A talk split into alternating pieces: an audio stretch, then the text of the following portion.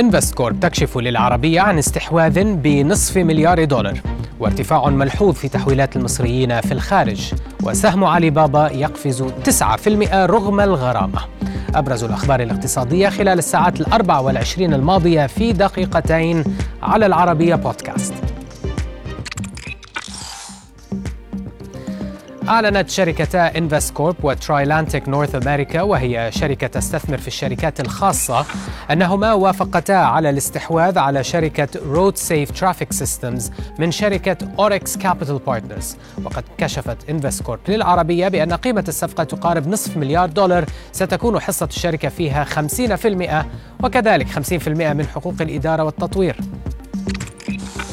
ارتفعت تحويلات المصريين العاملين بالخارج بحوالي 11% خلال فترة الأشهر السبعة المنتهية في يناير الماضي وذلك بالمقارنة مع الفترة المماثلة من العام السابق إذ وصلت إجمالي التحويلات إلى نحو 18 مليار دولار حيث أتت الزيادة بنحو مليار و700 مليون دولار.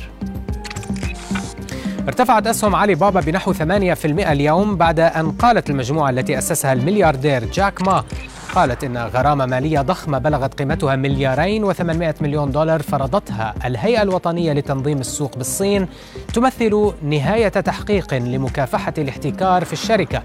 وكانت الهيئة قد أمرت مجموعة علي بابا بالتوقف عن الأنشطة غير القانونية ودفع الغرامة والتي تعادل 4% من مبيعات الشركة في الصين عام 2019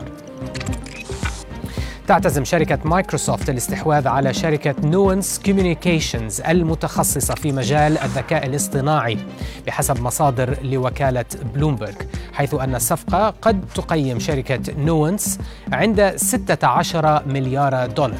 وفي حال تمت الصفقة فستكون هي, هي ثاني أكبر صفقة استحواذ في تاريخ مايكروسوفت من بعد الاستحواذ على شركة لينكدين.